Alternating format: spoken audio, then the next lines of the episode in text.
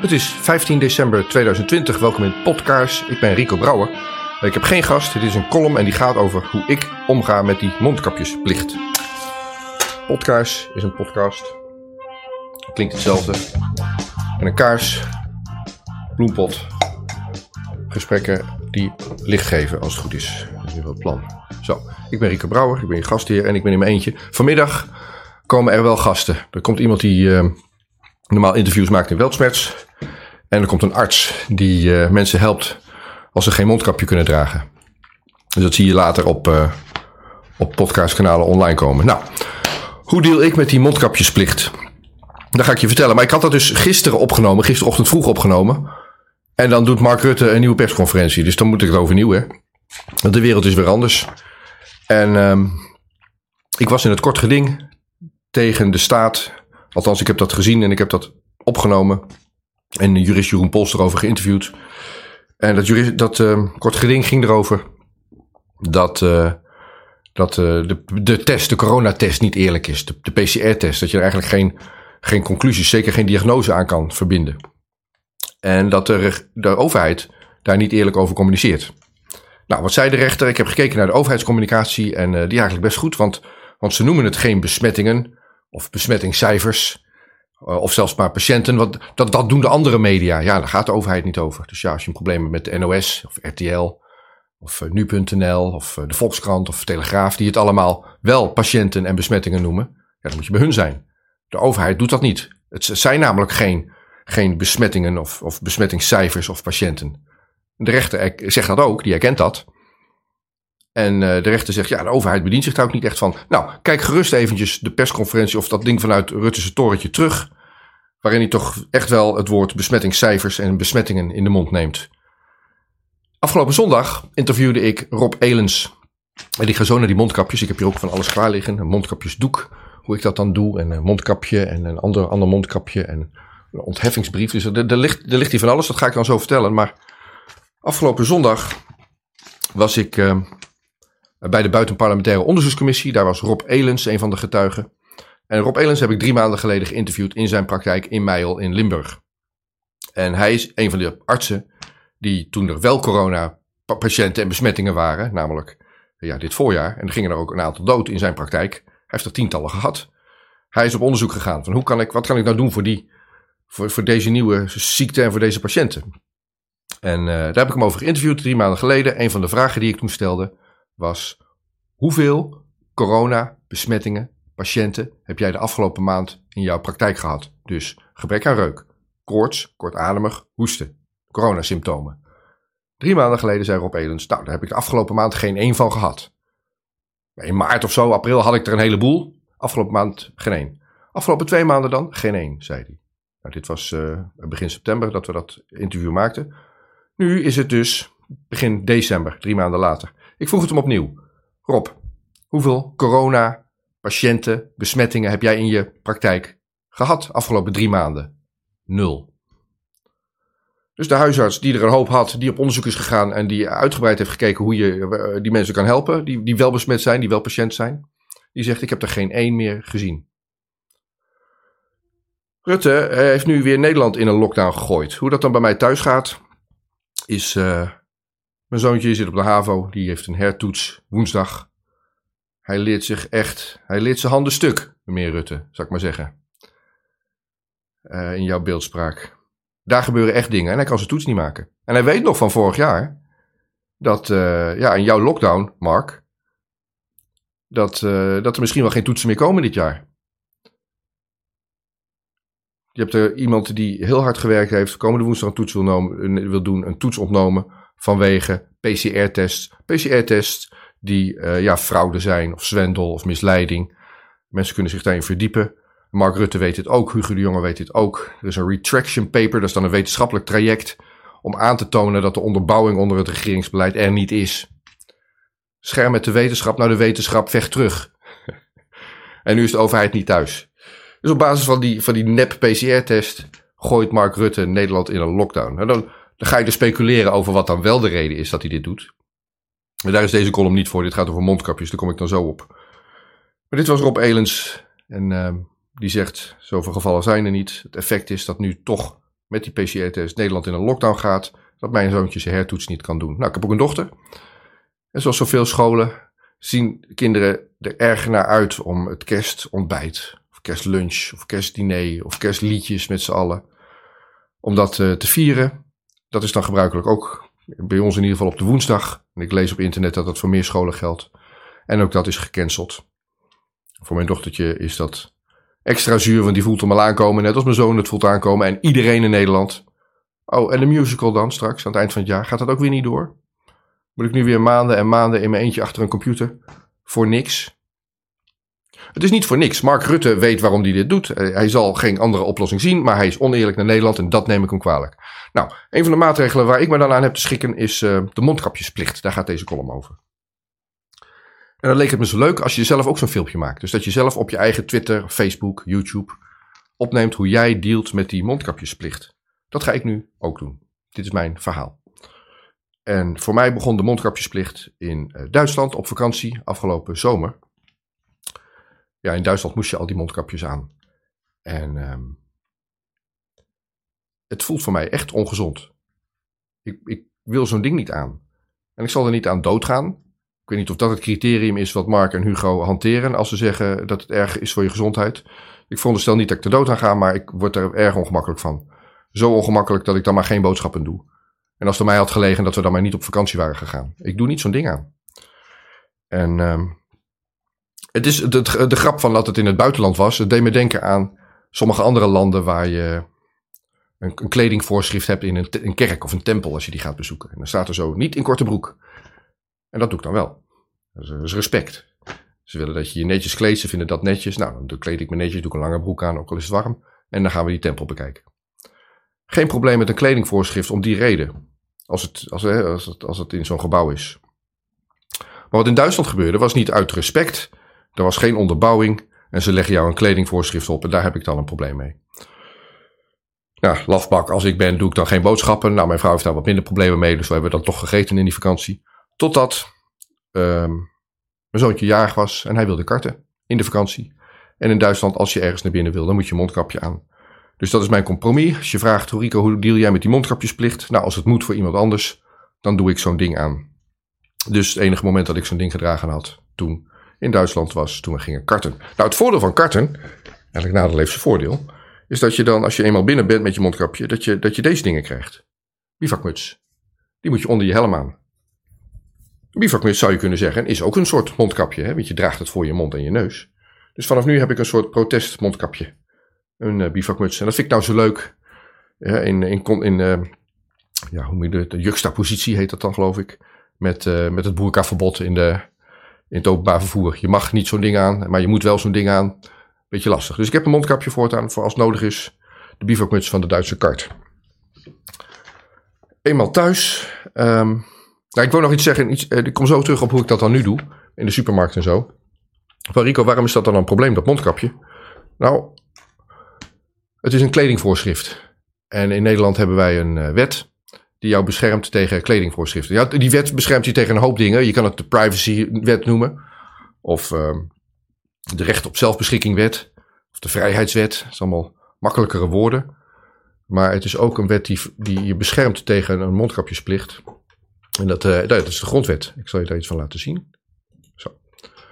Artikel 10 van de grondwet. Ieder heeft behoudens bij of krachtens de wet te stellen beperkingen recht op eerbiediging van zijn persoonlijke levenssfeer. Nou, ik gebruikte net makkelijkere woorden, maar je mag dus zelf weten wat je aantrekt. En um, wat het spannende in dit artikel is, behoudens bij of krachtens de wet te stellen beperkingen.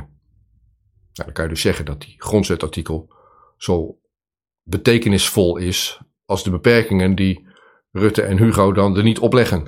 Doen ze nu wel. Ze schenden dit artikel. Hoogleraar aan staatsrecht zeggen ook die mondkapjesplicht mag, mag helemaal niet. Kan helemaal niet. Nou, dan vind ik ze een beetje laf. Want dit zijn mensen die ervoor doorgeleerd hebben. Dit is hun vak, dit is hun discipline. Waarom staan zij niet voor de rechter? Om op te komen voor hun grondwet. Uh, grondwet. Waarom ik een punt maak van het mondkapjesplicht. Van die mondkapjesplicht. Is niet alleen omdat het mij erg ongemakkelijk voelt. Omdat ik, omdat ik voel dat hier die grondwet buiten werking gesteld wordt. Uh, ik maak een punt, ik trek een streep in het zand, omdat dit de eerste grondwet is die zo overduidelijk bij het oud vuil gezet wordt. Dus ik claim je mee door een paar andere artikelen. Artikel 11 van de Grondwet. Die zegt: ieder heeft behoudens bij of krachtens de wet te stellen beperkingen recht op onaantastbaarheid van zijn lichaam. Je hebt Hugo de Jonge uh, en andere politici hier al op zien voorsorteren. Je hebt ook moties zien aangenomen worden in de Tweede Kamer die zeggen: we gaan toch geen verplichte vaccinatie invoeren in Nederland, hè? Dat gaan we wel. Hugo de Jonge heeft het gezegd. De enige oplossing die ik accepteer, de enige oplossing die ik zie, de enige pad vooruit die ik erken. Uh, hij pakte andere woorden, maar dit is wat hij bedoelde: is uh, vaccinatie. En dan zullen ze wel weer laf als ze zijn, zich verstoppen achter de Europese Unie, achter buitenlandse wetgeving, achter een richtlijn in vliegtuigen, uh, of grenscontrole. Van nou ja, je mag alleen naar het buitenland als je gevaccineerd bent. Of, nou, dat gaan we dan hier overnemen, misschien wel via een Europese richtlijn. Je mag alleen nog naar een festival met een prikje in je arm. Of je mag alleen nog maar boodschappen doen als je gevaccineerd bent. Ik weet niet wat er aankomt, maar je voelt aan de manier waarop Mark Rutte en Hugo de Jonge erover praten dat er wat aankomt niet oké. En als we die grens niet stellen bij een stokje stof voor je mond, dan stellen we hem misschien te laat en dan, uh, dan moet je die strijd voeren om je lichaam, integriteit van je lichaam. Even verder door die grondwet heen. Want als 10 of 11 buitenspel komt, en 10 is nu buitenspel, dan uh, ja. Ik weet niet wat het doel is van Marker en, en Hugo. Ze zijn hier zeker welkom, dan gaan we daarover praten. Maar uh, hier in artikel 9 staat het recht op vergadering en betoging wordt erkend. Behoudens ieders verantwoordelijkheid volgens de wet. Heb je die wet weer. Dus op het moment dat Mark en Hugo vinden, ja, en Vert en Kaisha, vinden dat, uh, dat een demonstratie tegen de wet is, dan telt je grondwet niet meer. Ze respecteren de grondwet niet op het moment dat je demonstraties verbiedt. Gisteren was er een hele leuke demonstratie. Ik hoorde dat op de televisie. Ik zag Mark Rutte in zijn torentje praten. En ik hoorde mensen die buiten spontaan met potten en pannen en fluitjes uh, aan het demonstreren waren. Super cool. Erg leuk. Hoopvol. Het was voor het eerst dat, uh, dat demonstranten inbraken in het torentje en Mark tot de orde riepen. Ze zijn dichter, we zijn dichter bij het torentje dan we denken. Er ligt één laagje water van de Hofvijver tussen. En ik gok dat Mark Rutte dat ook wel voelde gisteren toen hij zijn praatje hield. Artikel 9 die zegt uh, het recht op betoging wordt erkend. Demonstreren, behalve als Mark het niet leuk vindt. Maar ook vergadering. Nou, daar is een dingetje mee. En dat gaat hierover. Het recht op vereniging en vergadering is ook een grondrecht. Uh, politieke partijen in Nederland zijn verenigingen. En als je niet mag vergaderen en, en je mag je niet meer verenigen. Bij de wet kan dat recht worden beperkt in het belang van de openbare orde. Als Mark zijn regering beschouwt als openbare orde, als Mark het meedoen met uh, de internationale agenda die je aan alles voelt, als hij dat beschouwt als openbare orde. Het World Economic Forum van Klaus Schwab. Uh, Central Bank Digital Currencies van het IMF. Ik heb geen idee wat de grotere agenda is die erachter ligt, maar mondkapjes is een, is een middel. En ik snap niet hoe, hoe die dat middel wil inzetten, want het werkt niet voor het doel wat, wat, hij, wat hij veronderstelt. En, en, en de onderliggende reden voor die mondkapjes, namelijk mensen die ziek zijn aan een virus, dit is er ook niet. Waarom moeten we dan zo'n ding aan? Goed, dit is dus de grondwet. Ik zou ervoor opkomen als ik jullie was. De tijd is een beetje, eh, raakt een beetje op. We hebben het nu over uh, artikel 10. Dat je zelf mag weten wat je aandoet. Nou, dat doe ik ook. Dus ik doe dat ding niet aan. Mijn keuze, artikel 10 grondwet. En als ze dan een BOA geweld wil gebruiken, dan hebben we het over geweld. Gaan we kijken. Ik, ik doe geen geweld. Maar uh, dan zullen we zien hoe dat, uh, hoe dat zich ontvouwt. Dan terug naar hoe ik dan met die mondkapjes deal. Want sinds 1 december hebben we dat verplicht in Nederland. Nou, ik hoor mensen zeggen dat het niet verplicht kan zijn in winkels. Het is zo dat je met z'n allen in de winkel boodschappen mag doen. En dat er op zich niet iemand aan de poort staat om te kijken of jij er wel in mag. Maar technisch gezien is dat wel zo. De winkel mag huisregels stellen. En mag je ook uit de winkel verwijderen als je je niet gedraagt. En dat, dat is dan niet per se omdat je je niet aan de wet houdt, maar omdat je je niet aan de regels in de winkel houdt. Dus de winkel is helemaal niet zo'n zo'n openbare ruimte als Mark uh, Rutte doet voorkomen. En dat betekent dat de mondkapjesplicht in winkels dus gewoon buiten de wet is.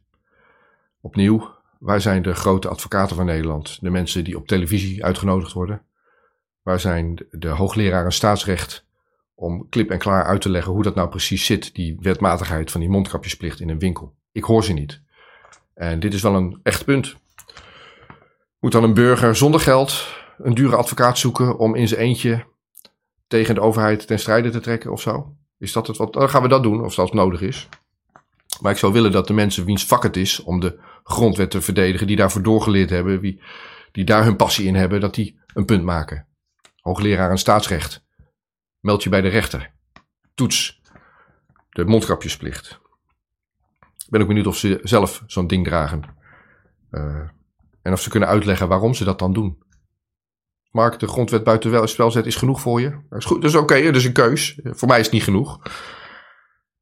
Um, we zijn nu weer thuis, het is 1 december, we hebben een mondkapjesplicht in Nederland. En um, nu geldt hier in dit gezin een beetje hetzelfde als wat in Duitsland gold. Ja, ik doe het niet, ik doe dat ding niet aan. En dat zeg ik ook tegen mijn gezin. Van, ik wil best boodschappen doen en uh, meestal doe ik de boodschappen. Maar uh, ik doe niet zo'n ding aan. Ja, dus uh, als een boa daar ingewikkeld over doet, dan is dat maar zo. Dan gaan we zien hoe zo'n gesprek loopt. En nou, ik heb wel maatregelen. En een van de dingen die ik 1 december deed, en dan komt dan hoe ik ermee deal, is uh, ja, toch maar zo'n zo'n ding knutselen dan.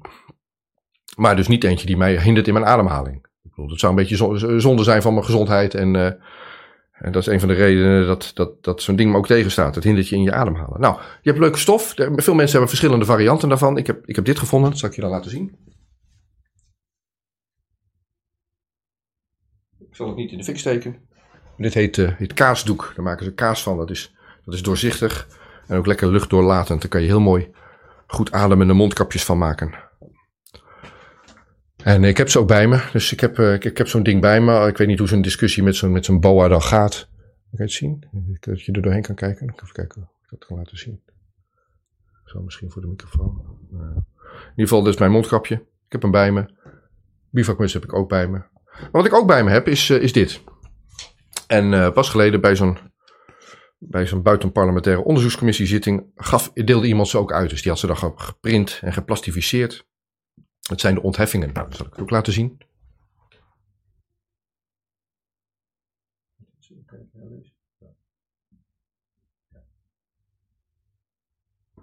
Uitzondering mondkapjes.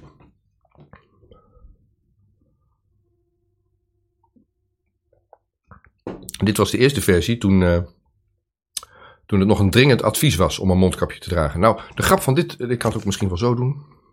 Zo.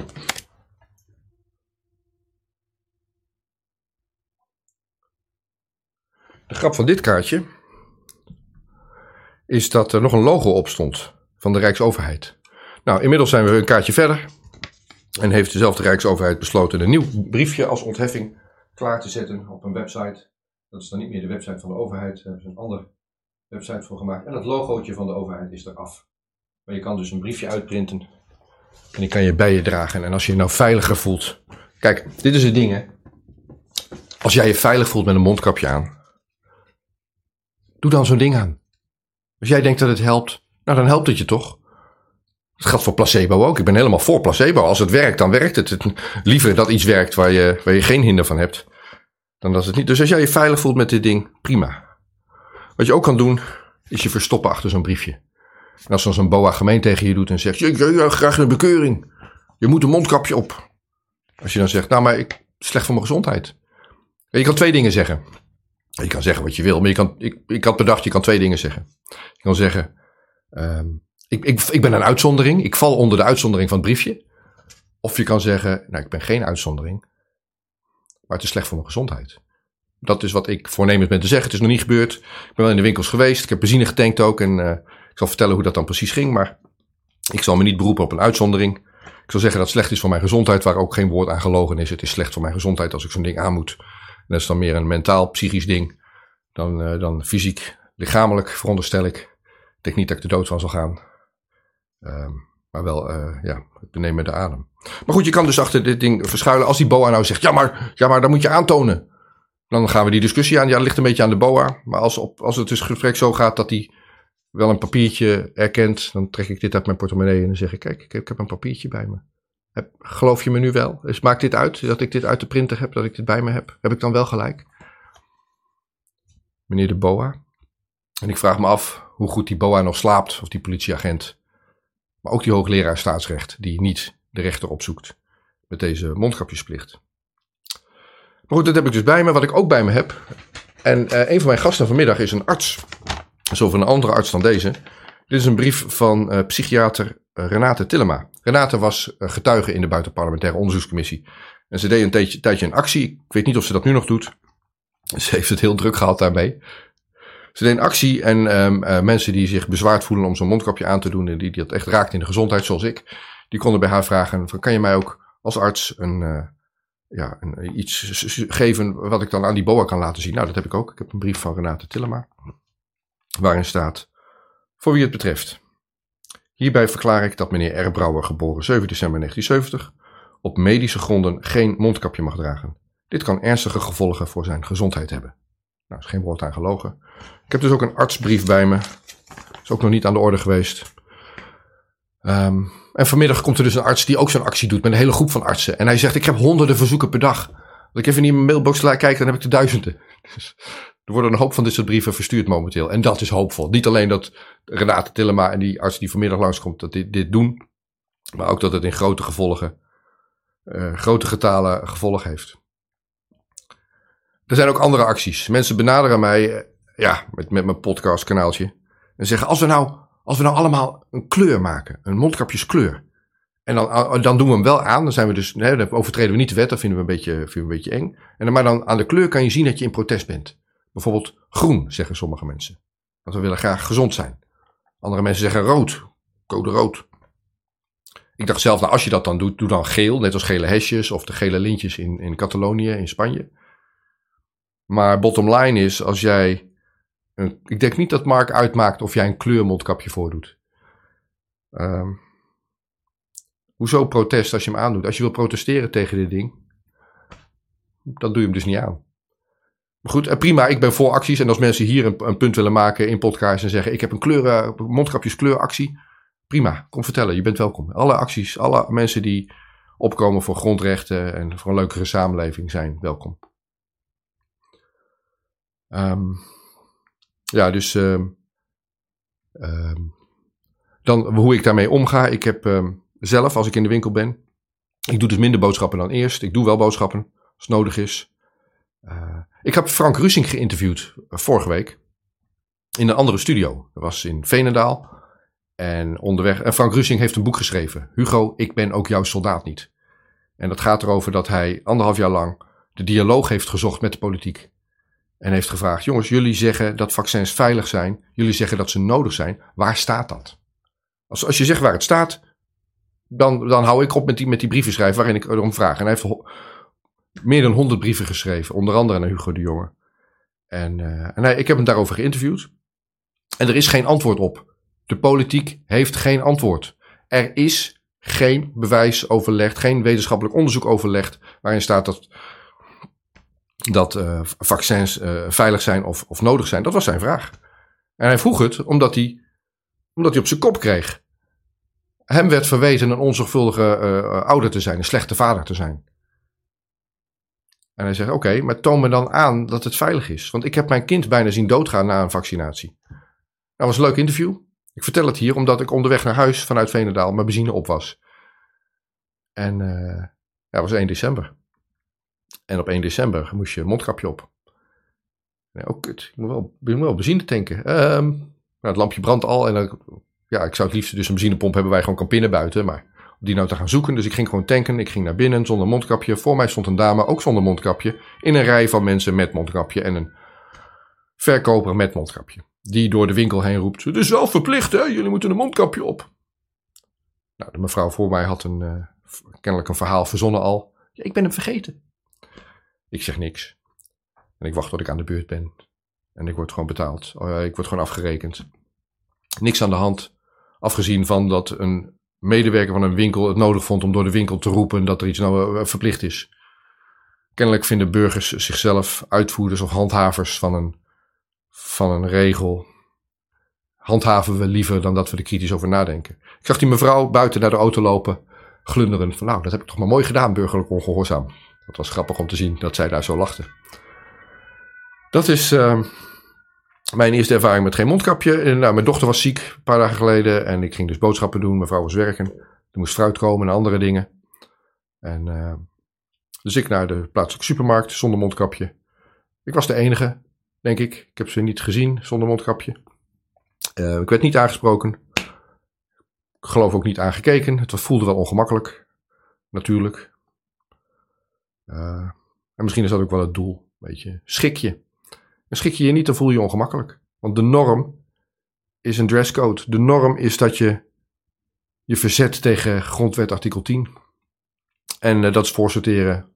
En de norm straks is dat je boos bent op mensen die, uh, zich, die zich verzetten tegen artikel 11. Misschien is de norm daarna wel dat je je als burger verzet tegen mensen die opkomen voor artikel eh, 9 en 8. Hoezo wil jij een eigen politieke partij? We hebben Mark Rutte toch? En Hugo de Jonge. Dit is hoe ik doe. Het deal met die mondkapjesplicht. Laatste wat ik gedaan heb is ik heb wat collega's uh, uh, benaderd.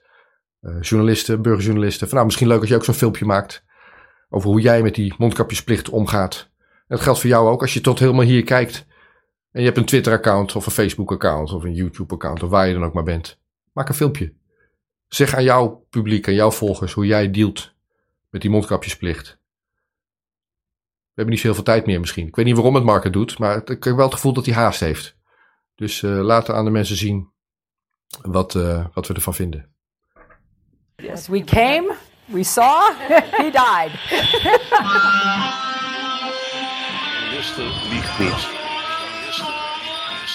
Every nation in every region now has a decision to make. Decision to make. Decision to make. You think I'm joking?